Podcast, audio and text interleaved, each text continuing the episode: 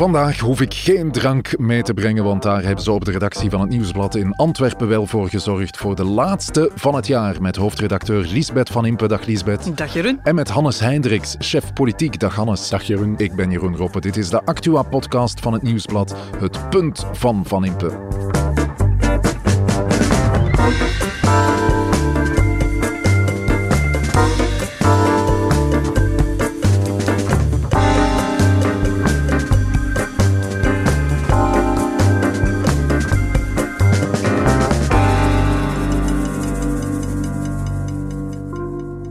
Drank genoeg zeg, uh, als ik dat hier allemaal zie. Een tafel vol drank, geen wijn. Want Pas op, het is voor de goede zaak. Jeroen, voor ja. mensen denken, ze zijn daar al kerst aan het vieren of oudejaarsavond. Uh, het is voor de goede zaak. Het is een traditie, het is de tweede keer dat we doen. We gaan terugkijken op het jaar. We gaan op wat ludieke wijze wat trofeeën uitreiken. En die trofeeën kunnen in het geval van deze podcast ja. toch niet anders zijn dan Belgische producten, hè? zoals en we dat, dat zo mooi noemen. geen wijn deze keer, maar wel uh, bier. Net zoals vorig jaar. Bert, onze producer, die is bier gaan inslaan.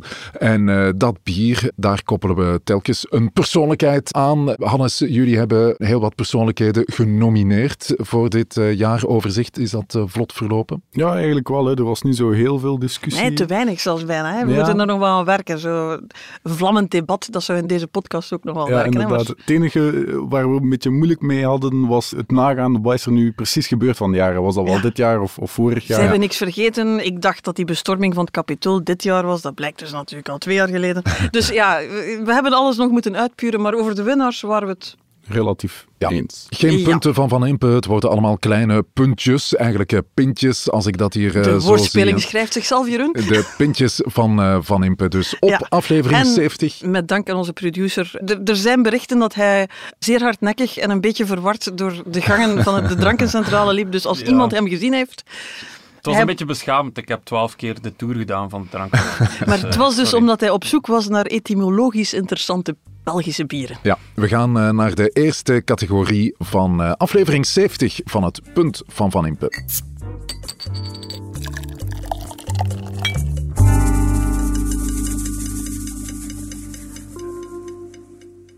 Ja, als ik denk aan 2022, Lisbeth, dan denk ik toch eh, in de eerste plaats aan eh, de oorlog in Oekraïne, uiteraard. Ik denk dat we net als iedereen ons jaaroverzicht moeten beginnen op 24 februari, de inval in Oekraïne.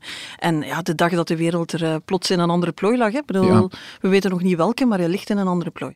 мною принято решение о проведении специальной военной операции. Dat was eh, het moment dat eh, Vladimir Poetin, de president van Rusland, zijn speciale militaire operatie in Oekraïne aankondigde. Waar was jij op dat moment, Hannes? Ik was hier op de redactie, Lisbeth ook, denk ik. We stonden hier allemaal naar het grote scherm te kijken, ik weet het nog.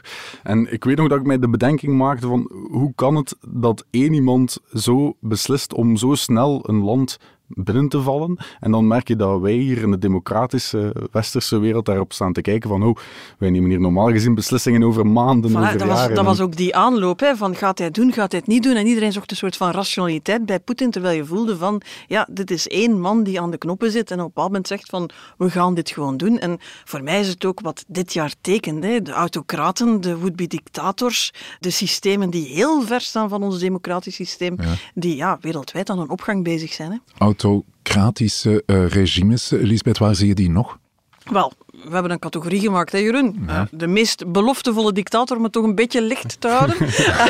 Eigenlijk in heel de wereld. Hè. Ja, maar ik denk dat we moeten beginnen met Poetin. En wat dat je ook ziet is, je kan daar nu hele grote geopolitieke analyses en zo van maken. We gaan dat nog vaak doen in de podcast. Maar mij zijn vooral ook een aantal beelden bijgebleven. Ja. Waar dat je zo, zo, zo denkt van, verdorie, dit is toch echt wel een ander beestje dan wij gewend zijn. En ja, bij Poetin denkt iedereen denk De lange ik, meteen aan de Ja. lange tafel. 720.000 memes van gemaakt, dat dat schommel was en noem maar op. Maar ja, toch wel tekenend ook voor ja, het isolement, de afstand die zo'n leider heeft tot, tot al de rest. Hoe hij iedereen bijna vernedert of op zijn plaats gaat zetten. Ja. En ik bedoel, dat is zonnekoningen eh, waardig. Hè? Ja, in deze categorie moet toch ook een eh, Xi Jinping, de president van China, bij, denk ik, Hannes? Ja, inderdaad. Hè. Ik denk als we China naast Rusland zetten, denk ik dat Xi Jinping eigenlijk nog, nog een betere, Straffer is. Ja, een beter autocraat Beloftevol, is. ik denk dat hij er ongeveer is. Ja, inderdaad. Is Ja, ja. Hij heeft het echt gemaakt. Zo. ja. Ja, we hebben ook naar dat grote congres zitten kijken. Dat is dan met zo'n gigantische hal van het, het volk. partijcongres. Ja, waar, zo, waar hij bijna keizerlijk zit natuurlijk. Zijn macht volledig geconsolideerd. Ehm, je had daar dat ene hele vreemde beeld van Hu Jintao, een van zijn voorgangers. Oud, grijs, wat bevend. Die zo in het zicht van iedereen, zonder dat iemand goed weet waarom, naar de uitgang begeleid Ja, wordt. Letterlijk hè. Als je het zou willen eh, een choreografie van maken van absolute heerschappij, dan is het waarschijnlijk dat. En je weet ook, dictators die kunnen er niet mee lachen als iemand anders met hen lacht. Hè. Bij eh, Xi Jinping, klein weetje, is dat blijkbaar als je hem vergelijkt met Winnie de Pooh. Kan daar niet tegen. Wordt daar heel kwaad van. Dat is, ehm, ja... De meest beloftevolle dictator is eh, deze categorie. Ik heb hier nog een quote van iemand. Ik zou van jullie willen weten of hij erbij kan of niet. In order to make America great and glorious again, I am tonight announcing my candidacy for President of the United States. Beginnend, hij is er nog niet. Het is Donald Trump. Hij doet nog alsof dat hij aan verkiezingen meedoet, maar hij gelooft er niet in. Dus dan denk ik, dan ben je een dictator in de dop. Ja, de vorige president van de Verenigde Staten, die graag dus ook eh, de volgende zou willen zijn. Jij was er hè, in de Verenigde Staten in 2022. Ja, inderdaad, ik ben er geweest. Wat mij vooral opviel, was dat er heel veel merchandising eigenlijk is rond Donald Trump daar. Die is echt alomtegenwoordig in het straatbeeld. Daar worden patches verkocht, eh, vlaggen, noem maar op. Echt, eh, bijvoorbeeld op, op sommige patches stond dan Do you miss me yet? En er zijn echt wel ja, heel veel mensen op man- straat ook die daarmee rondlopen en zo. Ik vind dat De man, wel heeft, redelijk de man straf. heeft ook geld nodig natuurlijk. Hè. Maar ja, je hebt ook die hele gekke iconografie daar rond, hè, die, die ik ook echt met dictators vereenzelvig. hè. Je hebt, je hebt zo van die beelden, tekeningen, Donald Trump, die er dan uitziet als Superman, eh, op een velociraptor, waar eh, laserstralen uit de ogen komen. Eh, hij heeft nu zelfs een hele set met dat soort kaarten verkocht. Het is maar 99 dollar het stuk. Dus ja, ook daar voel je weer van, ja, dit is toch een, een andere taal dan degene die we een democratie gewend zijn. Oké, we hebben onze drie genomineerden, drie kandidaten voor de eerste categorie. Eh, Lisbeth, wie wordt het? De meest beloftevolle dictator? Maar ik- je moet ook eerlijk zijn, ze hebben ook wel wat tegenslagen gehad. hè. Poetin, drie dagen ging hij nodig hebben, heeft, is er nog altijd niet. En is er nog altijd niet zeker dat hij gaat winnen in Oekraïne. In Trump, zelfs in zijn eigen partij, beginnen er toch wat vraagtekens te reizen. Dus als ik vandaag mijn geld moet inzetten op wie er over tien jaar nog zit, dan is het dus eh Winnie de hè. Eh, Xi Jinping.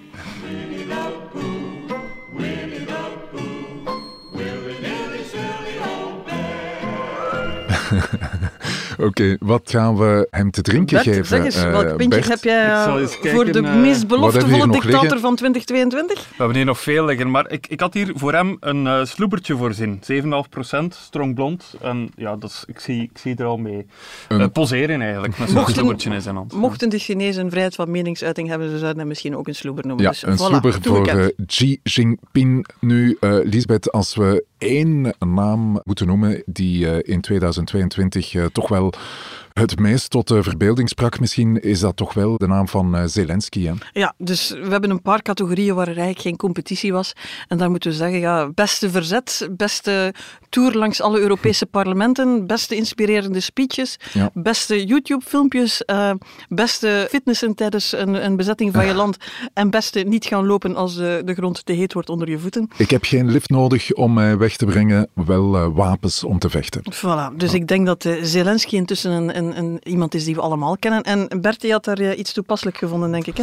Ja, dat stond hier nog in de drankenhandel, inderdaad. De super sanglier, maar je moet vooral eens kijken naar het etiket. Ah, het is een echte superheld, ja. Een, een Met een cape. En, en het is ook zo'n klein geblokt dingetje, zoals Ja. Zelensky. Dus, een ja. sanglier eh, met eh, een eh, heldenpak aan. Hè. Een super sanglier, een superheld dus. En dat is eh, Zelensky. Voor iemand die misschien een, een wat kleurrijk, maar ja, misschien nooit een zeer getalenteerd president zou geweest zijn, maar door de oorlog gewoon getransformeerd is aan, in iemand die gewoon zijn natie meer recht houdt. Hè. Dus eh, straf. Het punt van Van Impe.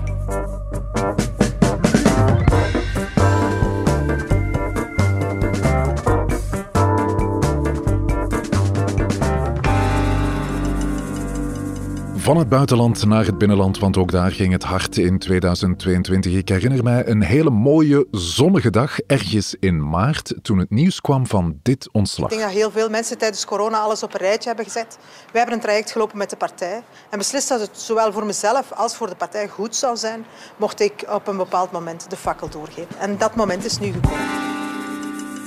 Meirem Almaci nam uh, ontslag als voorzitter van de partij Groen. Lisbeth, ik herinner mij dat je toen zei, eigenlijk had ze al twee jaar geleden ontslag moeten We zeggen nemen. dat trouwens vaak, hè, dat eigenlijk uh, het nemen van ontslag, nemen van politieke verantwoordelijkheid, niet omdat je gigantische fouten begaan hebt, maar gewoon omdat je mandaat er eigenlijk wel op zit of dat je toch aan slagkracht verloren hebt, dat dat heel lang duurt. Vandaar... Ja als je het optelt dit jaar, hebben we er wel wat gehad. Maar heel veel van die ontslagen waren we eigenlijk al een jaar tot zelfs twee jaar over bezig. Merem Almashi, dat gaat terug tot die ontgoochelende verkiezingen in 19, ja. waar ze nu eigenlijk zegt van ik ga toch plaats remmen voor nieuw talent. En in het geval van Groen is het op zich gelukt. Er zijn namen gelanceerd die we nog niet kennen. Ja, jij kent ze wel, Hannes. Jeremy van Eekhout en Nadja Nagy. Dat is ik denk inderdaad wel het, dat het uh, moeilijke quizvragen zijn. Af en, toe, af en toe testen we onze junior nog eens, hè, maar hij is wakker. Hij is dat wakker. is inderdaad het duo uh, nu aan het hoofd van de partij Groen. Laten we het eens over een ander duo hebben, van een andere partij ook, van uh, N-VA, want ook daar nam een duo ontslag, weliswaar uh, op uh, andere tijdstippen. Niet helemaal samen, maar als je nu spreekt van een verrassend ontslag, want we hebben de categorie gemaakt het minst onverwachte ontslag, het ontslag dat je al van ver kon zien aankomen. Ja, ja deze twee, dat hadden we eerlijk gezegd ja, niet we hebben zien het voor aankomen. alle duidelijkheid over Lorin Parijs en Valérie Van Peel. Die waren allebei ondervoorzitter van NVA. Blijkbaar is dat niet de tofste job van het land, want ze namen allebei ontslag in 2022. De ene omdat hij een job vond uh, in het voetbal en de andere omdat ze gefrustreerd raakte door de logheid uh, van de politiek. Hè? Ja. Ja. Was dat ook de echte reden? Ja, bij Valerie van Peel zeker wel. Hè. Ze, ze, was echt gefrustreerd omdat ze in het parlement, ja, ze zitten daar in de oppositie in, in de Kamer, federaal. Ze was gefrustreerd omdat ze daar geen enkel voorsteller doorkrijgt, dat er daar geen samenwerking is met de meerderheid oppositie. Dus dat ze daar eigenlijk gewoon ja, letterlijk haar broek zit te verslijten.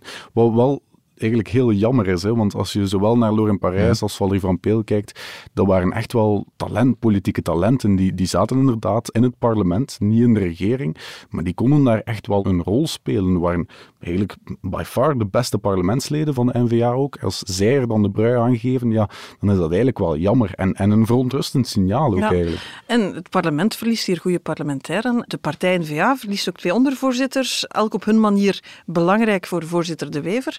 Het waren twee mensen ook die de partij eigenlijk in een breder vaarwater trokken, die met andere thema's bezig Ja. waren dan de heel klassieke N-VA-thema's, die toch vaak harde thema's zijn. Ja. Dus ja, ook een groot verlies voor Bart De Wever, die ja, de evenwicht in zijn partij plots serieus verstoord zag worden en een paar eh, ja, raspolitici verliest. Hè. Ja, een stad die uh, vaak aan bod kwam in onze podcast was de stad Ah, Sint-Truiden. maar nu komen we, nu komen we bij de echte daar, genomineerden, de CD&V'ers. Niet alleen omdat ze daar fantastische wijn maken in Sint-Truiden, uh, maar ook uh, de burgemeester van de stad, die uh, kwam vaak aan bod. Niet alleen in 2022 trouwens. Vele heren, zij nam ontslag het afgelopen jaar om de rust in de stad te laten terugkeren, want die was helemaal weg, Elisabeth. Uh, ja, ze had ook heel hard haar best gedaan om te zorgen dat daar geen rust meer te vinden was.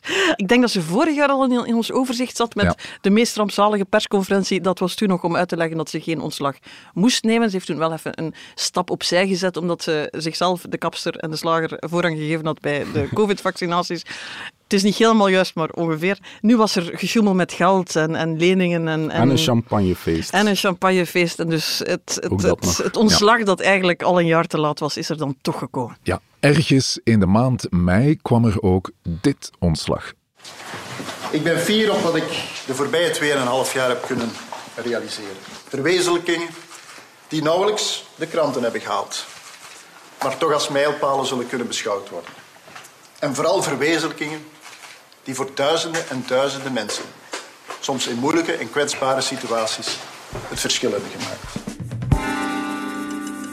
Ja, dat was Wouter Beke, die ontslag nam. Als je hem bezig hoort, zou je niet doorhebben dat hij ontslag aan het nemen is. Hè? Want hij is bezig over alles wat van, fantastisch was en waar gewoon niemand aandacht voor had. Ja. Maar hij heeft ontslag genomen en ook dat zat er al heel lang aan te Hij komen. deed dat wel degelijk als eh, minister in de Vlaamse regering bevoegd voor uh, welzijn. Een ontslag dat jij had zien aankomen, Hannes? Goh, het was een echt brokkenparcours eigenlijk hè, van, van Wouter Beke. Maar ja, als je al tien brokstukken overleefd hebt, misschien dan het elfde ook. Hè? Dus, uh, Ja, inderdaad. Want de directe aanleiding eigenlijk voor de laatste crisis waar hij in verzeild is geraakt, was de dood van een kind in een crèche, het Sloeberhuisje.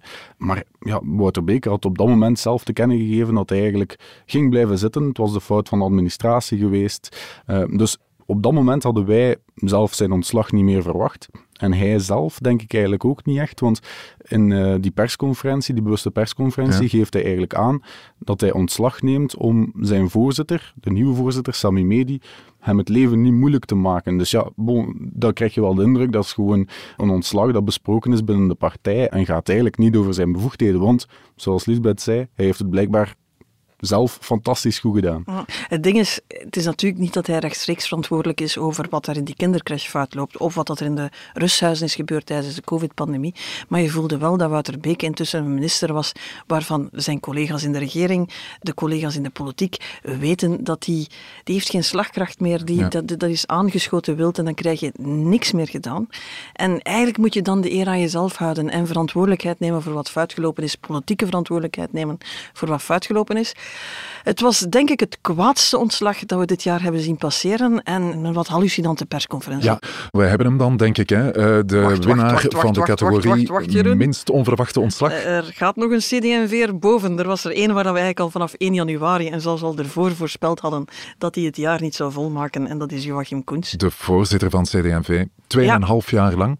Hij ik denk, nam ja, ontslag. eh, Johannes zat eind vorig jaar al in zijn spoor en zag het eh, drama zich al half voltrekken. Ja, ergens in december hebben we een groot stuk gebracht over Joachim Koens en het draagvlak dat helemaal was weggesmolten eh, binnen zijn partij. Ik weet nog, de cover van die krant toen was, denk ik, Joachim Koens in een kruis en dan Ja, de kruis... JC, dezelfde, Ja, dezelfde initialen als, de Jezus verlosser. Christus. Ja, inderdaad. eh, Maar het was een leidersweg met, ik denk, 27 staties, maar ze eindigden toch in ontslag. Joachim Koens verdwijnt daarmee ook eigenlijk uit de wedstrijd, hè, want hij had, geen, had geen parlementair mandaat, hij zit terug in, in Damme. En ik moet wel zeggen, iedereen had het zien aankomen, het was onvermijdelijk. Ik ben onlangs nog tegengekomen in eh, de studio's van De Afspraak. En dan, ja, die mens heeft nu echt eens reden om kwaad te zijn op Hannes en op mij en op nog wel wat andere mensen in de pers.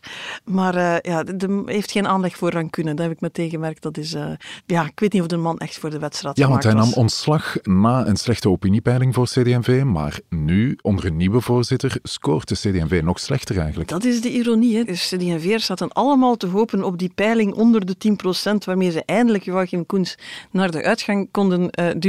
Het drama is natuurlijk, want zo gaat dat eh, als je op slechte resultaten zit te hopen, dat ze intussen ook niet meer boven de 10% geraakt zijn. Het probleem was daar duidelijk groter dan Joachim Koens alleen.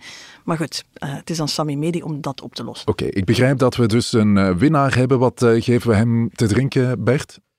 Ehm, we geven hem een sans pardon. Helaas, Sans pardon. harde stil eh, met het eh, iets wat cynische bijschrift. No excuses, just enjoy. Een sans pardon voor het eh, minst onverwachte ontslag van het jaar. Wie ontslag zegt, eh Lisbeth, die zegt eh, natuurlijk ook comeback. Zo hadden we er ook wel wat in 2022. Ja. Eh, wat maar was we, voor... hadden er, we hebben een flitscategorie, de slechtste comeback van allemaal. En dat is toch echt wel voor CM El Kawakiwi. Ehm, ja, we hebben het zien gebeuren. Het was, het was bijna live te volgen, want ze kwam in het Vlaams parlement toe om zichzelf te verdedigen met een cameraploeg in haar kielzog. Plots gingen daar dan ook de deuren dicht, want niemand had zin in een eh, stukje slecht theater. Dus eh, ja, het was, het was Ja, maar niet dat, goed. dat theater eh, kregen we uiteindelijk te zien op Instagram. Hè, en dat klonk zo. Ik ging niet naar buiten, maar buiten kwam wel binnen. Met nieuws, duizenden haatberichten en bedreigingen aan mij, mijn gezin en mijn familie. Ik heb me heel machteloos gevoeld, omdat ik mij niet tegen buiten kon verweren. Ja, Hannes, wat denk je als je dit hoort? Ja, ik, ik zie vooral eigenlijk een scène gezet filmpje. Ik denk niet dat er iemand hier naar kijkt en denkt, wauw, dit is geloofwaardig. En ze heeft oprecht spijt van wat ze gedaan heeft en eh, gaat hier nu door het stof om dan eh, terug in het parlement te komen zetelen. Ja, nee, dit geeft gewoon echt een heel slecht beeld. Eén van haar, twee van de politiek in het algemeen, denk ik. Mm, Politiek is soms theater, maar dit is gewoon slecht theater. Ja, politiek eh, kan theater zijn, maar eh, als ik het zo allemaal hoor, eh Lisbeth, politiek kan ook een harde stiel zijn. Hè? Het is een, een hard milieu, de politiek. Het is een harde stiel. Gelukkig zijn er heel af en toe toch ook wel eh, ja, aanwijzingen van menselijkheid en ik denk oprechte sympathie. Ehm, eh, ik denk dat we daar dit jaar eh, Sophie Wilmis niet onvermeld kunnen laten. Ja, zij was minister van Buitenlandse Zaken en nam uh, ontslag. En ze zette een stap opzij om uh, voor haar uh, zieke man te zorgen. Voor haar zieke. Eerst heeft ze gezegd van ik ga tijdelijk het ambt opgeven. uiteindelijk heeft ze laten weten dat ze niet terugkeert naar de regering. Ze is bijzonder populair op dit moment. Ze, de populairste in Brussel. Absoluut, maar ze heeft ervoor gekozen om meer tijd met haar gezin en haar zwaarzieke man door te brengen. En dan zie je toch ook, je kan daar heel cynisch over doen, maar dan zie je ook dat in de wedstrijd er dan toch een soort van golf van sympathie en solidariteit doorgaat, die denk ik zelfs oprecht is. Dat is niet gespeeld. Ja. Dus dat zijn ook allemaal mensen die weten dat dat soort problemen toch boven alle akkefietjes in de wedstrijd gaan. Menselijkheid, Bert, wat verdient dat uh, qua drank? Dat is een welverdiende chapeau. Uh, uh, trouwens, opvallend hoe moeilijk het is om eigenlijk een positieve biernaam te vinden in de drankenhandel. Hier heb ik het eigenlijk Een chapeau dan maar voor uh, Dat is waarom Sophie Bert Wilmes. zo verward door al die rekken aan het lopen was. Positiviteit, waar is ze toch? Ja, ja, de wedstrijd en de drankerij, om zeer moeilijk te vinden. Het punt van Van Impe.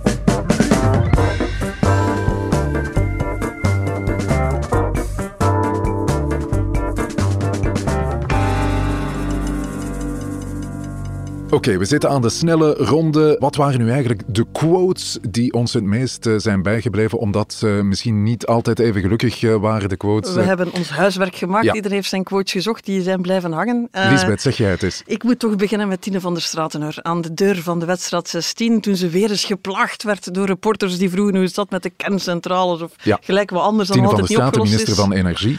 Ja, en toen zei ze zo... Ik weet niet waar dat ze het zelfvertrouwen vandaan haalde. Ik denk dat ze halfweg de quote al door had dat het een beetje misplaatst was. En toen zei ze... Heeft u van mij een dossier gezien dat technisch gecompliceerd was, dat niet is opgelost geraakt? Ja. Ja. Happy Ah. vijf minuutjes. qua, qua, qua citaten die nog wel eens Ja. in uw gat kunnen bijten, kan die wel tellen. Ik moest toch eh, spontaan denken aan de fameuze Molenbeek-uitspraak. hè. Al was het maar omdat ik zelf in eh, Molenbeek woon van de kon niet voorzitter van niet ontbreken. Vooruit. Eh, Conor Rousseau die zei, als ik door Molenbeek rij, voel ik mij ook niet in België. Eh, we hebben het daar toen over gehad, eh Lisbeth. Eh, het is duidelijk dat hij met dit soort uitspraken eh, zijn partij een bepaalde richting wil induwen. Hè? Ik voel, eh, onlangs zat hij er weer en hij sprak al iets voorzichtiger van we moeten de wijken opkuisen, heel duidelijk niet de mensen. Dus ja, je voelt wel, het is spelen ermee, maar het is wel duidelijk maken van een, we zijn een linkse partij, maar dat betekent, ja, dat betekent niet dat we zo rond de pot gaan dansen en misschien zelfs soms een licht uit de bocht durven gaan. Ja. Om te zeggen wat de Vlaming denkt. Hannes, wat was voor jou de minst gelukkige uitspraak van eh, het afgelopen jaar? Goh, ik moest direct aan Jan Jan Bon denken, die dacht een slimme uitspraak te doen over verkeersveiligheid, door te, op nationale televisie te zeggen dat hij ook soms aan zijn chauffeur vraagt om een beetje sneller te rijden. Heel zelden wel. Eh, eerlijk gezegd, als ik soms opdracht geef dat we echt snel ergens moeten zijn en we maken dan een boete, dan is, dan, dan is het u soms opdracht om te snel te rijden? Eh,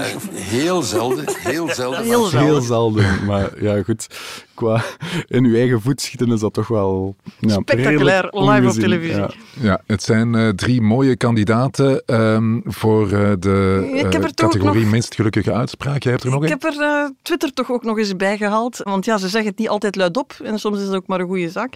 Maar eh, de Hansaplastquote van Tom van Grieken op Ja. Twitter. De man was zich aan het opwinnen, voorzitter van Vlaams Belang. eh, wil ons overtuigen dat hij een serieuze partij leidt. Maar hij was zich aan het opjagen over het feit dat er nu pleisters zijn in verschillende huidskleuren. En hij zag plots een scenario voor zich eh, waarbij een ambulancier zou bij een, een, een ongeluk komen en zou Rudy, zeggen... Oei, het slachtoffer is een blanken en we hebben niet de juiste pleisters bij. Rijd jij even terug. Eén, het is een raar idee van waarvoor ambulances komen. Meestal is dat niet om een pleister te plakken van Hansaplast.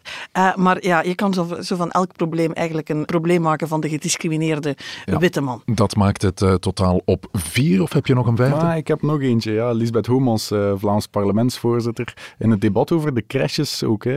Ehm, Ja, bracht Lisbeth Homans enig serieus erin door te zeggen. Oké, collega Van de Kasteel, ik weet niet of dat u beseft dat er meestal twee ouders zijn en ook zoiets als een vader bestaat. Ik, eh, hoop maar dat u- En mijn kinderen zijn bij hun papa. Voilà. Dus ja, dat was haar antwoord op uh, de vraag of er niet meer overheidsgeld naar de crèches moest gaan. Want die zijn in crisis, uh, zegt Lisbeth Homans. Ik heb de oplossing gevonden. Mijn kinderen hebben een papa. Uh, ja, het onnodig te zeggen dat het probleem van de crèches in de Vlaamse regering nog altijd niet opgelost is. Ze hebben daar nog wat moeite met het juiste definiëren. Ja, wie gaan we eruit pikken van de vijf? Ik ben het wel eens met uh, Hannes dat qua jezelf vol overtuiging live op televisie in de voet schieten, uh, Jan Jan Bon toch onovertroffen is. Dus ik vind dat hij deze trofee verdient. De trofee voor minst gelukkige uitspraak van het afgelopen jaar gaat dus naar de minister-president van Vlaanderen, Jan Jan Bon. En wat wordt de trofee, Bert? Ik heb lang gezocht, maar wel iets passend gevonden voor de heer Jan Bon. Het is een middenvakrijder. Um, ook amper 3,1 by the way. Maar, een lichte, uh, ja, een lichte biertje. Ja, voilà. Heel zelden vraagt hij aan zijn chauffeur om op het middenvak te blijven rijden. Er zijn uh, een paar posities in het uh, politieke spectrum, uh, Lisbeth, die nog niet aan bod zijn gekomen. Ik denk aan de extreem linkse kant. Ja, daar kunnen we ook naar de quotes gaan, want die krijgen de misplaatste nostalgiequote. Um, ze hebben ze toch weer laten vangen een paar keer dit jaar. En ik, ik snap niet waarom, maar PvdA, extreem links, um, toen het ging over de inval in Oekraïne, hadden ze toch heel veel moeite om Rusland te veroordelen, zonder te zeggen dat de NAVO toch ook wel een criminele organisatie is. Er was weer zo'n interview, denk met Sophie Merks, die dan toch moest gaan zeggen van ja, Hitler en Stalin kan je dan nu echt naast elkaar gaan zetten, want je hebt toch gezondheidszorg in Cuba. Allee, misplaatste nostalgie, ze blijven in die val trappen en ik snap eerlijk gezegd echt niet Ja, dat is ook een mooie uh, categorie. Misplaatste nostalgie, die gaat naar PvdA dan zeker. En Bert heeft daar het beste bier ever voor gevonden. Ja, ja, ja, ja. Um, Kameradski van Brouwerij Het Verlet. Ieder jaar dat ze blijven Stalin verdedigen of toch niet expliciet veroordelen, mogen ze van mij een kameradski krijgen. Met het bijschrift Chocolate Stalin. Dus allee, ik denk dat dat daar in massas uh, wordt uh, gedronken. We geven hem aan uh, Raoul Hedebouw van PVDA. Um, nog een... En soms moeten we, ja, dat is een categorie die we toch ook moeten hebben, soms zeggen beelden meer dan woorden. Soms kan je het beste commentaar geven zonder eigenlijk iets te zeggen. En dan denk ik toch dat we de trofee voor sprint van het jaar aan Egbert Lachart moeten geven. Ja, dat ging toen zo. Meneer Lagarde. Meneer Lagarde. Heeft u een statement geschreven met meneer Boucher? Waarom wilt u niet zeggen, meneer Lagarde? Nee. Waarom niet? Uh, we zullen straks nog wel een verklaring afleggen. Is alles nog in orde met de liberale familie? Zie je, zie je. Ja. Waarom loopt u weg, meneer Lagarde? Een sprintje trekken in de Melsense straat in de Brusselse benedenstad. Um, niet evident, hè? Hannes, op die kasseien, op dat uh, trottoir. Maar ja, hij deed het toch maar. Ja, Bol Lachart is wel uh, goed getraind natuurlijk. Hè. Hij speelt elke week voetbal. Uh, gaat ook vaak gaan lopen, zie ik op zijn Strava. Dus daar zal het hem niet aan liggen. Ik denk dat hij ja, misschien wel een sportcarrière nog kan ambiëren als zijn voorzitterschap toch ja. niet... ja, het was een redelijk hallucinant beeld. Ja. Hij maakte rechtsomkeert en ja, zette een sprint in. Ja, hij vluchtte weg van, van, van de camera's. Hij wou niet uitleggen uh, wat er binnen zijn partij allemaal gebeurd was rond het ontslag van staatssecretaris Eva de Bleker met de begroting. Ja, de partij ging daar met de billen bloot. Uh, ja. Egbert Lachart kon het niet uitleggen en dus ging hij lopen. De... En het verhaal ging dat om de hoek Paul Magnet zat in een restaurant te wachten. Ja. Dat uh, Egbert Lachart liever niet met, uh, met uh, een, een cameraploeg in zijn kielzog toekwam. Maar het blijft een van de gekste beelden die ik in lange tijd gezien heb in de wedstrijd. De voorzitter van Open VLD, Egbert Lachaert, voor de sprint van het jaar. Ja, ik krijg trouwens ook echt de grootste trofee. Dat is een... Orvelo, een sprintbier. Het staat er letterlijk op en ook mooi voor Egbert uh, Lachaert. Het is bier to share, waarschijnlijk met zijn partijgenoten of met uh, Georges-Louis Boucher. Gedeelde smart is halve smart. Hij gaat vaak fietsen met Alexander de Croo, dus misschien kunnen ze het samen uh, voilà. Het punt van Van Impe.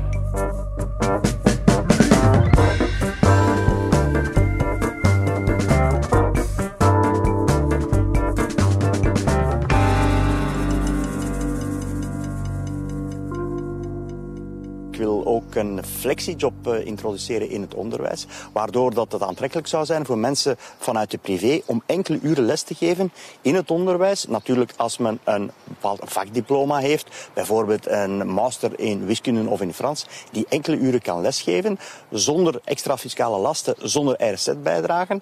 Veel van de vacatures vandaag in het secundair onderwijs gaat er maar over enkele uren. Wel, zo kunnen enkele uren ook ingevuld worden door mensen die enkele uren combineren met een job in de privé. Een creatieve oplossing voor het lerarentekort van eh, minister van Onderwijs Ben Wijts. Het tekort, Liesbeth, is er nog altijd. Ja, je zou je kunnen mispakken. Hè. Je denkt van daar is de minister het volop aan het Ja. oplossen. We gaan daar nooit meer iets van horen. Maar mispak je niet, eh, we gaan hier nog van horen. Dit Ja. is niet opgelost. En helaas is het lijstje niet opgeloste problemen in de wedstrijd behoorlijk lang. En eh, dat wilden we voor deze categorie toch even oplijsten. En ja, we kunnen alleen maar daarmee beginnen. Je moet maar naar sociale media kijken hoe ouders aan het klagen zijn over dat hun kinderen een vak weken, maanden aan een stuk niet krijgen, er geen examen kunnen over afleggen, want er is nooit les geweest. Ehm, mensen die voor de klas staan, die vakken moeten geven waar ze eigenlijk helemaal niet voor gestudeerd hebben. Ja. Het is een gigantisch probleem en je krijgt het niet zomaar opgelost. Ja, Hannes Ben Wijts is eh, minister van Onderwijs voor NVA. NVA, wauw, absoluut eh, die post, hè, eh, onderwijs natuurlijk. En voor NVA is dat heel belangrijk. Hè? Ja, inderdaad. NVA is een partij die focust op cultuur, onderwijs, eh, taal is heel belangrijk voor hen, noem maar op. En ja, het is dan toch enigszins opmerkelijk dat die partij dan onderwijs eindelijk eh, bestiert, of het kabinet bestiert. En dan de onderwijskwaliteit, die blijft maar dalen, het lerarentekort blijft maar toenemen. Die twee zijn dan ook nog eens aan elkaar gekoppeld. Dus ja, op dit moment, Ben Wijts, die zit daar eigenlijk heel gevrongen hè, op dat kabinet eh, onderwijs. En, en ja, Lisbeth zei het al, dit is wel echt een probleem waar heel veel mensen in de samenleving elke dag mee te maken krijgen. Hè. De kinderen, de kleinkinderen. Ik denk dat dat toch wel afstraalt op die partij. Ja. Je ziet ook Ben Wijts, we horen hem en zien hem toch niet meer zo vaak meer, in tegenstelling tot zijn partijgenoten Zewaldemir. Maar die zit ook wel op een aantal dossiers waar we gaan moeten zien of dat die tot een oplossing komen. Ja, ik denk aan het eh, stikstofdossier. Stikstof, eh, Ventilus, noem maar op. En daar is het iedere keer opnieuw Zewaldemir tegen de achterban van CD&V en dus tegen CD&V. Ehm, ja, wat gebeurt er met dat platteland? Wat gebeurt er met de boeren? Noem maar op. Ja, het zijn dossiers waarvan ze ons bezweren dat die dicht bij een oplossing zijn. Maar we hebben geleerd in de politiek altijd met twee woorden Ja, spreken. die raken ook maar niet eh, opgelost, die eh, problemen. Is dat nu een eh, typisch Vlaams probleem? Maar is dat... gij. De lijst is nog langer op federaal niveau. Hannes, we gaan ons klassieke lijstjes oplopen. Hè. Wat is er allemaal niet opgelost geraakt? Wel, ja, als je denkt aan energie, kijk maar naar de kerncentrales. Hè. We gingen die verlengen, twee kerncentrales, na de oorlog in Oekraïne. Maar ik zie nog steeds geen akkoord. We zijn nog altijd met Engie aan het onderhandelen. We moeten met twee woorden spreken. Petra de Zutter, de vicepremier van Groen, zei dat het voor klokslag middernacht op oudejaarsavond zou moeten geregeld zijn. Maar we hebben het nog niet gezien en dus we spreken met twee woorden. Maar eh, je kan verder gaan. Hè. De asielproblematiek. Ja. Ook een hele moeilijke op op te lossen, maar eh, we hebben het al gezegd, zorgen dat mensen bij vriestemperaturen niet op straat moeten slapen in Brussel, dat zou toch het makkelijke deel moeten zijn van dit probleem. Ja. En het blijft ook aanstaan. Ik zie ze elke dag hè, in Brussel, eh, de mensen die op zoek zijn naar asiel en niet worden opgevangen in ons land. Hoe frustrerend vind jij dat, eh, Ja, ik vind dat persoonlijk zelfs een beetje wraakroepend. Hè. Bon, dit is een probleem dat er al maanden is. Iedereen weet ook dat het gaat vriezen in de winter. En dan nog zie je dat er nu op dit moment eh, kinderen op straat moeten slapen bij min 8. Dan denk ik, zo heel moeilijk kan het toch niet zijn om die mensen gewoon van straat te halen. Bon, dit is misschien een van de minst complexe problemen die we nu bespreken, die eigenlijk wel redelijk Ja, makkelijk is, op te lossen het is zijn. symptomatisch, hè, want als op ons lijstje staan voor de rest dan waanzinnig ingewikkelde problemen. Eh, de pensioenen, begin er maar aan. Eigenlijk alle socio-economische dossiers met een economische impact, die blijven allemaal 80% werkzaamheidsgraad. Ja, We zijn ook nog geen meter opgeschoven. blijven liggen binnen Vivaldi. En dan is er eigenlijk één eh, grote werf, zeg maar, die al die kleinere werfjes omvat. En dat is de begroting. En al daar- die dossiers hebben een budgetair impact. Ja, en daar zitten we bij de slechtste van Europa. En we hebben gezien wat voor vaudeville er op gang komt als de regering probeert die cijfers nog een beetje op te smukken, omdat we dan de voorlaatste van Europa zouden zijn. Eh, het heeft Eva de Bleker haar, eh, haar politiek hoofd gekost, haar kop gekost. Maar je voelt, ja, iedereen in die regering, en zeker de liberalen die toch graag de mond vol hebben over verantwoord met geld omgaan van de belastingbetaler, eh, weten dat, dit, dat hier geen goede kant meer aan is. En je kan maar hopen dat ze volgend jaar daar toch nog iets kunnen aan doen, want hier in berusten is eigenlijk eh, een groot probleem. Ik hoor het al, we hebben een winnaar. Dat is eh, de Belgische begroting. Wel, ik vind dat we de twee regeringen wel een shot onder hun gat mogen De geven. Vlaamse ook. Eh, lerarentekort, dat is ook met de toekomst van Vlaanderen, van de economie, van de jongeren eh, spelen. Dus ja, dat zou de hoogste urgentie moeten hebben op Vlaams niveau. En eh, de begroting op federaal niveau. Het ik denk minst dat dat... Opgeloste probleem. Welk biertje past daarbij, Bert? Iets dat je traag moet eh, drinken, Ja, ja, iets dat je traag moet drinken, inderdaad. En eentje met een eh, zandloper op het eh, etiket. Het is een patience of patience. Ik weet eigenlijk niet hoe ik het moet uitspreken. Zeg het maar in het Frans, dan heeft de PS het ook begrepen. Het punt van Van Impe.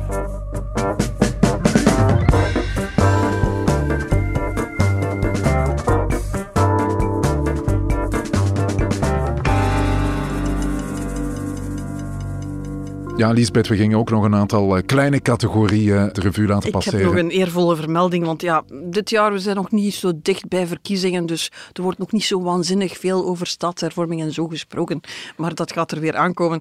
Maar het is niet helemaal weg geweest dit jaar, want eh, de eervolle vermelding voor de moeilijkste quiz van het jaar gaat naar de burgerbevraging. Ja, ik, weet herinner je- mij dat jij hem geprobeerd hebt, hè? We hebben allemaal geprobeerd. Veel mensen hebben geprobeerd, maar niemand heeft hem ongeveer volgekregen. Het ding heeft 2 miljoen euro gekost. Het moest de Belg bevragen over waar het met dit land naartoe ging. En dat was middels ehm essay-vragen, waar je wa- waanzinnig grote tekstvelden mocht gaan vullen met allerlei beschouwingen over waar het land naartoe moet. Eh, het is een sof geworden van je welste. En het, de enige verrassing was dat blijkbaar alleen de federale regering niet op voorhand doorhad dat dat een sof van je welste zou worden. De moeilijkste quiz van het jaar, de burgerbevraging. Ik stel voor dat we er een houten kop bij drinken. Die zie ik hier nog staan. Absoluut. Middags word ik wakker met een houten kop. Mijn ogen zijn nog moeilijk te gebruiken.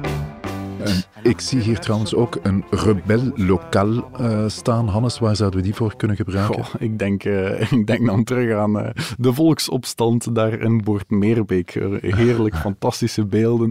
Ehm Boortmeerbeek, de gemeente waarin burgemeester Karin Derwa eigenlijk zonder veel overleg aankondigde dat ze haar gemeente wou laten fusioneren met eh, Mechelen. Mechelen. Over de provinciegrenzen. Ja, van Hoort-Meerbeek in Vlaams-Brabant, Mechelen in de provincie Antwerpen. Ja, inderdaad. Dus een fusie die blijkbaar de inwoners van het redelijk landelijke Boortmeerbeek, ja, die, die lusten dat niet. En die zijn echt effectief eh, op straat gekomen. Eh, Karin Derwa stond daar dan een speech te geven. Ik heb de beelden eh, nog eens herbekeken vandaag. Ja, daar werd met geld naar haar hoofd geslingerd, letterlijk, met muntstukken. Het deed mij zo denken aan zo Frankenstein-films waar ze zo het monster komen doden en waar ze zo met rieken en toortsen uit de velden gestapt komen. Ja, ja. Het, het, het was volksopstand. Ruisleden heeft nog eens dunnetjes overgedaan. Dat was meer ludiek. Hè? Dat was met een, een begrafenisoptocht en, en, en, en, en protest tegen het referendum. Maar ja, Ja. die fusies, dat blijft toch een... In eh, deze vind ik toch dat eh, de gemeente waar er geld is gegooid naar de burgemeester. Boort Meerbeek Meerbeek. wint de Ja. prijs voor de Een beste volksopstand. rebel lokaal dus voor Boort-Meerbeek. Het punt van Van Impe.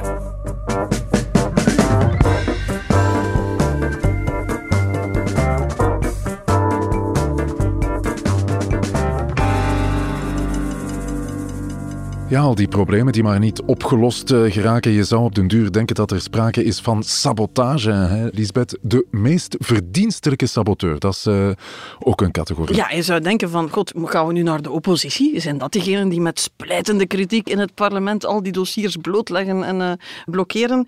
Ja, en ja... mm, hm. Een oppositiepartij die het bijzonder goed doet in de peilingen is het Vlaams Belang. Hè? De, In de enige peilingen zijn oppositiepartij. ze, zijn ze de grootste.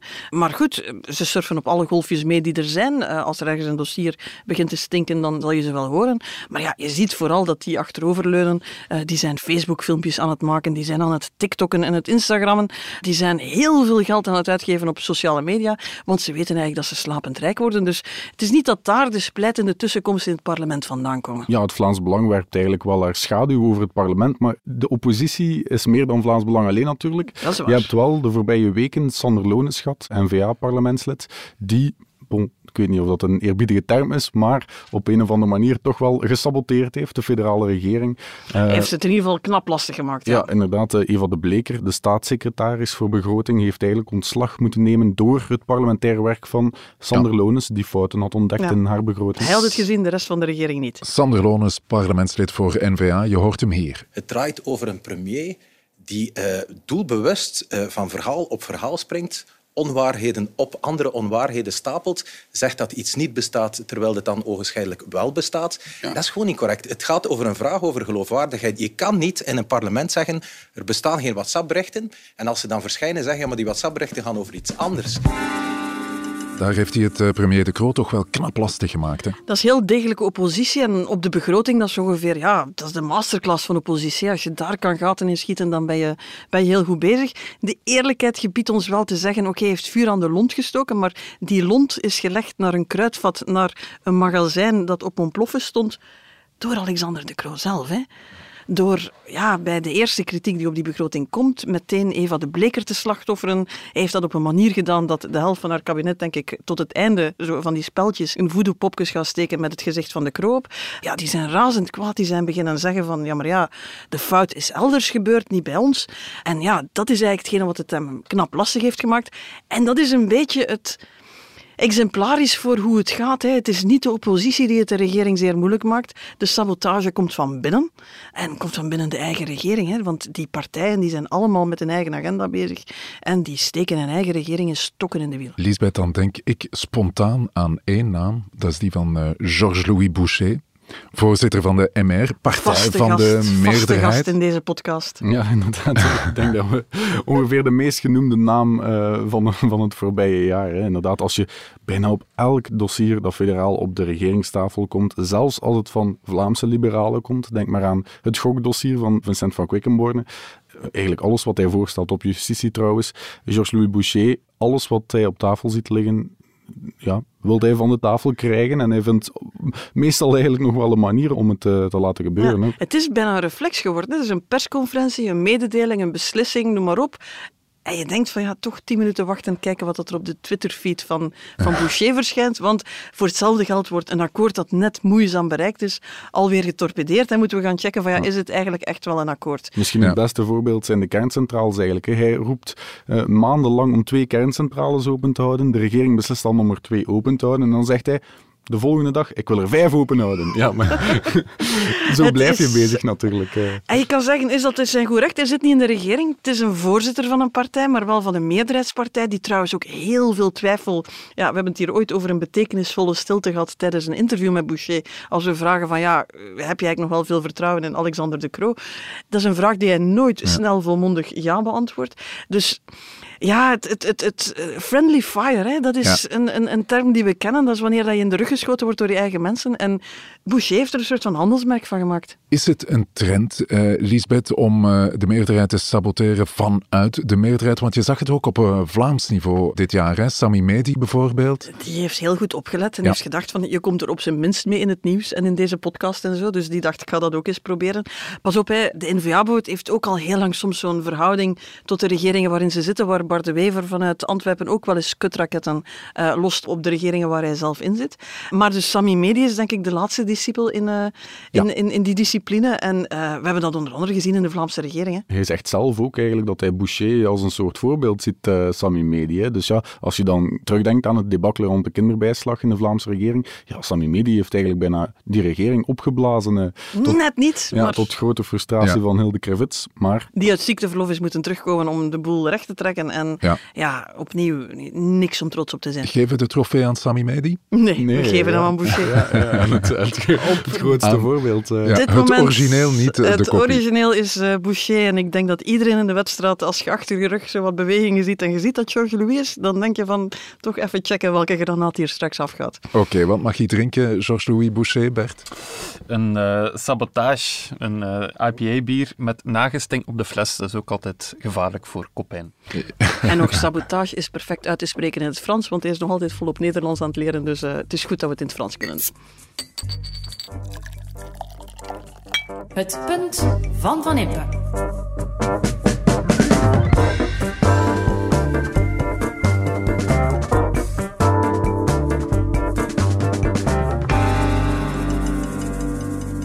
De ene partijvoorzitter die uh, trendzettend is uh, voor de andere. Is hij dat uh, voor andere partijvoorzitters ook, Georges-Louis Boucher? Ik moet zeggen, de sabotagetechniek is populair in de wedstrijd, maar het is niet de enige om populair te worden. Ja. Je hebt ook verrassender technieken, zoals jezelf in een konijnenpak hijsen en meedoen aan de Masked Singer. Ah, dan weet ik over wie we het hebben. Conor Rousseau, de voorzitter van Vooruit.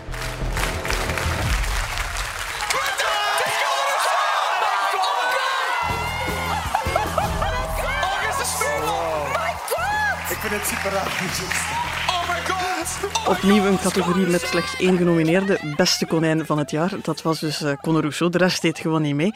En je voelt, ja, je noemt dat een état de grâce. Hè. Uh, ja. een, een, politicus die op een bepaald moment met alles wegkomt, die uh, zijn talent op alle mogelijke fronten kan inzetten. Je kan met Conor Rousseau over de dijk van Nieuwpoort lopen en om de 20 centimeter moet je een selfie laten nemen en je ziet dat mensen dan bijna aan het bepotelen zijn. En het is ja, wat je alleen maar ziet bij politici die op moment zeer populair zijn. Hij gaat naar de Masked Singer, hij geraakt daar eigenlijk tot ongeveer de finale, als ik mij goed herinner. Uh, komt daarmee weg. Een ander zou daar misschien heel veel kritiek voor krijgen, maar het, het doet hem scoren bij jonge mensen. Hij zit op Instagram, hij zit op TikTok. Maar tegelijk zet hij zijn partij wel op orde. Zit, hij zit zijn partij in de lift in de peilingen. Uh, heeft hij met Frank van den Broeke een stuk degelijkheid. Hij heeft nu net Caroline Genet gelanceerd. Je voelt dat passeert ja, allemaal. Twee ministers dat in is, de federale regering. En onder tafel is hij aan het voetje vrijen met Bart de Wever om eigenlijk al zeker te zijn van coalities na 24. Dus uh, uh, ja, een beetje... Ik heb het al een paar keer gezegd. Hè. Rousseau heeft mij een paar keer verrast, omdat je denkt het is atypisch. Hij kan op zijn bek gaan, maar je ziet op dit moment werkt het. En uh, hij krijgt zijn... hij is denk ik ongeveer de enige die uitkijkt naar de dag dat de peilingen gepubliceerd worden, samen met Tom van Grieken. Ja, beste konijn, daar past dit biertje bij. Ik zie hier iets met een konijn op het etiket. Boskeun speciaal paasbier voor uh, Conor Rousseau, de voorzitter van Vooruit. Trouwens opvallend voor de drankenhandel-shopper. Uh, er zijn heel veel bieren met konijn in de naam, zoals Fort Lapin, zoals uh, Brouwerij Hazeveld. Het was echt keuzestress. Kijk aan, dus we hebben meer bieren dan politici die zich met konijnen identificeren. Het punt van Van Impe.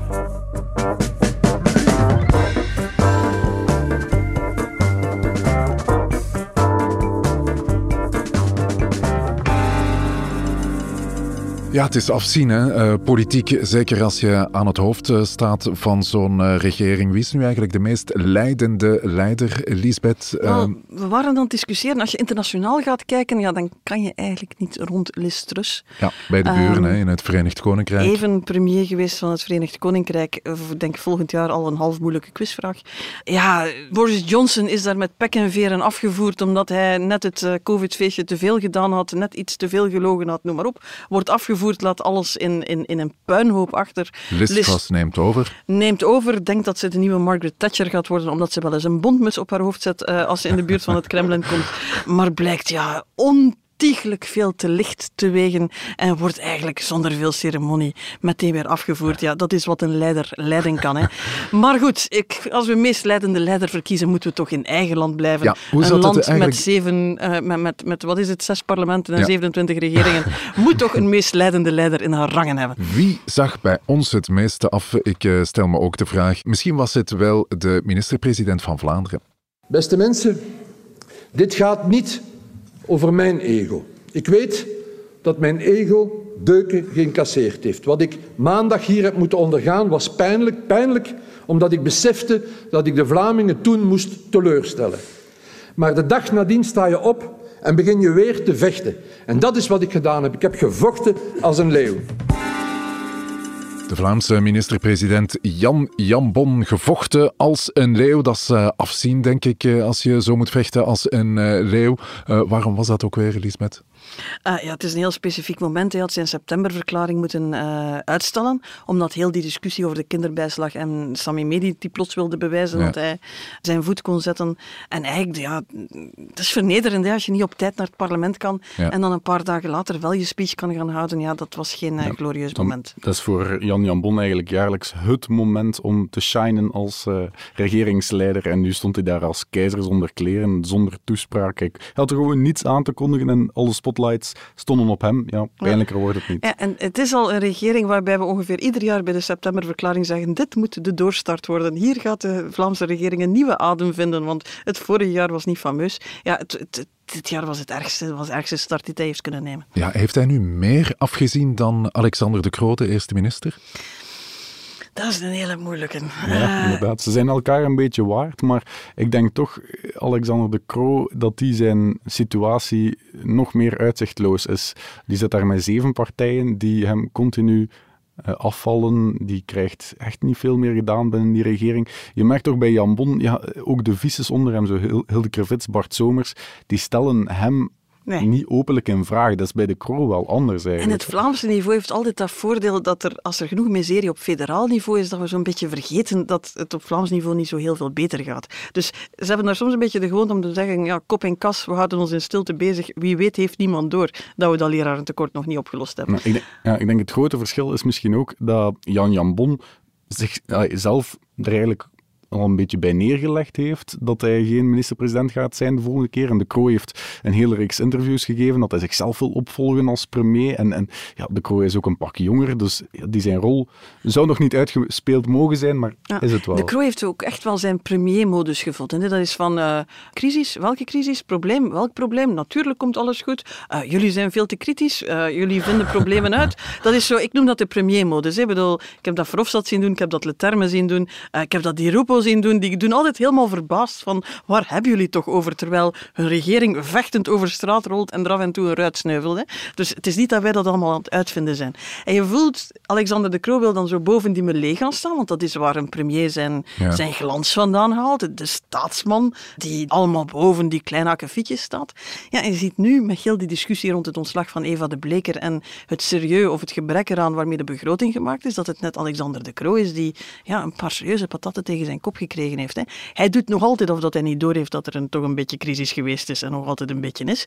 Maar dat is wat premiers doen. Maar ja, je kan er wel echt niet naast kijken. Leider met een korte ei, maar Leiden doet hij met een lange ei. Ik heb het al door. Alexander de Croo krijgt de trofee van leidende leider. Vooral omdat we denken, die moet nog anderhalf jaar door, die moet nog een anderhalf jaar zeggen, ja, er komt een pensioenhervorming, ja, we gaan de begroting aanpakken. En iedere keer als hij omkijkt, ziet hij daar Boucher en Magnet zitten die zeggen, boah, we voelen het zo niet. Oké, wat geven we de premier te drinken, Bert? Eh, ja, het kon niet ontbreken in deze podcast, want er is een bier met de naam Politician.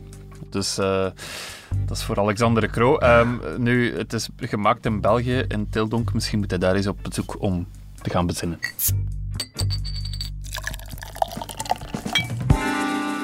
Ja, een naam die nog niet gevallen is en nogthans uh, alomtegenwoordig ook in 2022. Dat is uh, Bart de Wever, hè, de voorzitter van uh, NVA en de burgemeester van Antwerpen. Heb je niet nog een categorie ergens liggen voor ja, hem? ik moet zeggen, het viel mij ook op dat, dat hij niet per ongeluk zo in de categorieën geslopen was. Dat vorig jaar was dat bijna evident dat je begin, begon en eindigde met Bart de Wever. Misschien, pas op, hè, zijn einde is al vaak voorspeld en ik denk dat het nog altijd voorbarig is, maar misschien is het toch een beetje aan het schuiven, wat jong geweld dat opkomt.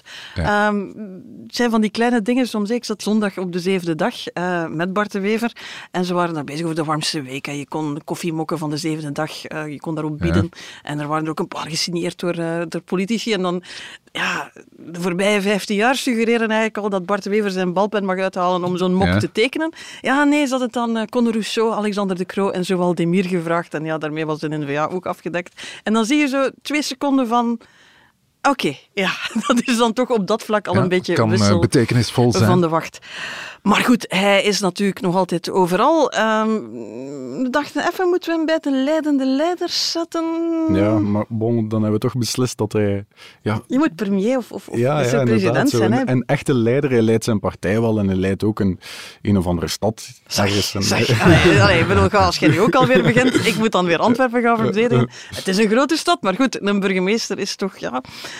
Um, Leiden doet hij zeker. Hè? Ik bedoel, tegenwoordig als je interviews met Bart de Wever leest, uh, er valt weinig te lachen. Er is, uh, ja. Ik denk dat stilaan zowel die meer ja. gaan moeten de bodemdecreten aanpassen om soms de zuurtegraad aan te kunnen van Bart de Wever. Ja. Maar goed, de man blijft een belangrijke stem. Ik heb nog een aparte categorie voor hem uh, verzonnen. Van Bart Wever krijgt wel eens het verwijt dat hij vooral over anderen bezig is en de problemen en alles wat ze fout doen. En dat als het over hemzelf gaat, zijn partij, of wat er fout loopt in de Vlaamse regering, of wat er in Antwerpen fout loopt, dat hij dan in geen velden en wegen te bespeuren is, daar is soms wel iets van aan. Dus ja. vandaar, beste afleidingsmanoeuvre in de wedstrijd. Dit jaar, maar ook volgend jaar en het jaar erop, dat is over woke beginnen. We hebben het hier in, ja, in, dat in, doet hij graag. Hè?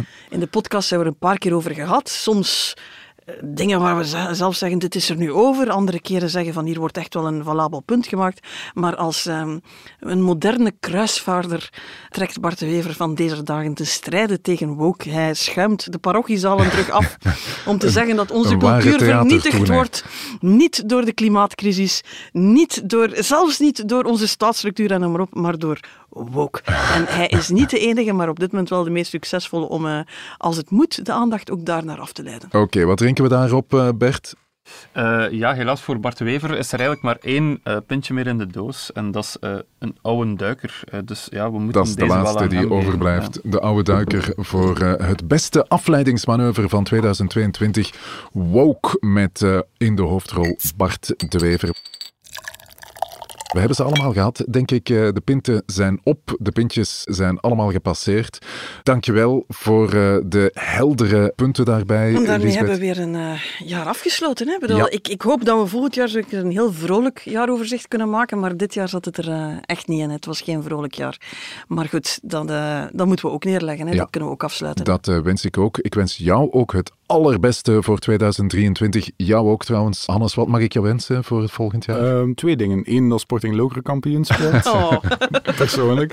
En twee, meer lezers en meer luisteraars voor, uh, voor deze podcast. Ja, de tweede lijkt me nog realistisch. De eerste, ja. Ja, dat, dat moet lukken hè, in de tweede amateurklasse. Uh, ik wens het jou, Hannes. En uh, we zien elkaar terug ergens in januari, zeker. Hè? Ja, want allee, wij wensen elkaar ook gewoon veel meer van deze podcast weer toe. Hè. We zitten aan nummer 70, dus volgend jaar moeten we naar uh, ik ben het blote hoofd aan rekenen, gaan we zwaar boven de 100 we eindigen. De 100 dus over, ja. we gaan daar toch een feestje voor moeten geven. Hè? Doen we zeker. Dankjewel Hannes, dankjewel ook Bert voor uh, de pinten en dankjewel Lisbeth. We wensen jullie super feesten natuurlijk en uh, hopelijk luisteren jullie weer zo massaal in 2023. Prettige feesten en tot volgend jaar. Dit was het Punt van Van Impe, een podcast van het Nieuwsblad. Je hoorde de stemmen van hoofdredacteur Lisbeth Van Impe, van Hannes Hendricks, chef politiek, van Bert Heijvaart, de producer, en van mezelf, Jeroen Roppe. Dank aan de VRT voor de audioquotes, aan Pieter Schevers voor de muziek en aan Pieter Santens van House of Media voor de montage. De productie was in handen van Joni Keimolen en Bert Heijvaart. Tot het volgende Punt van Van Impe.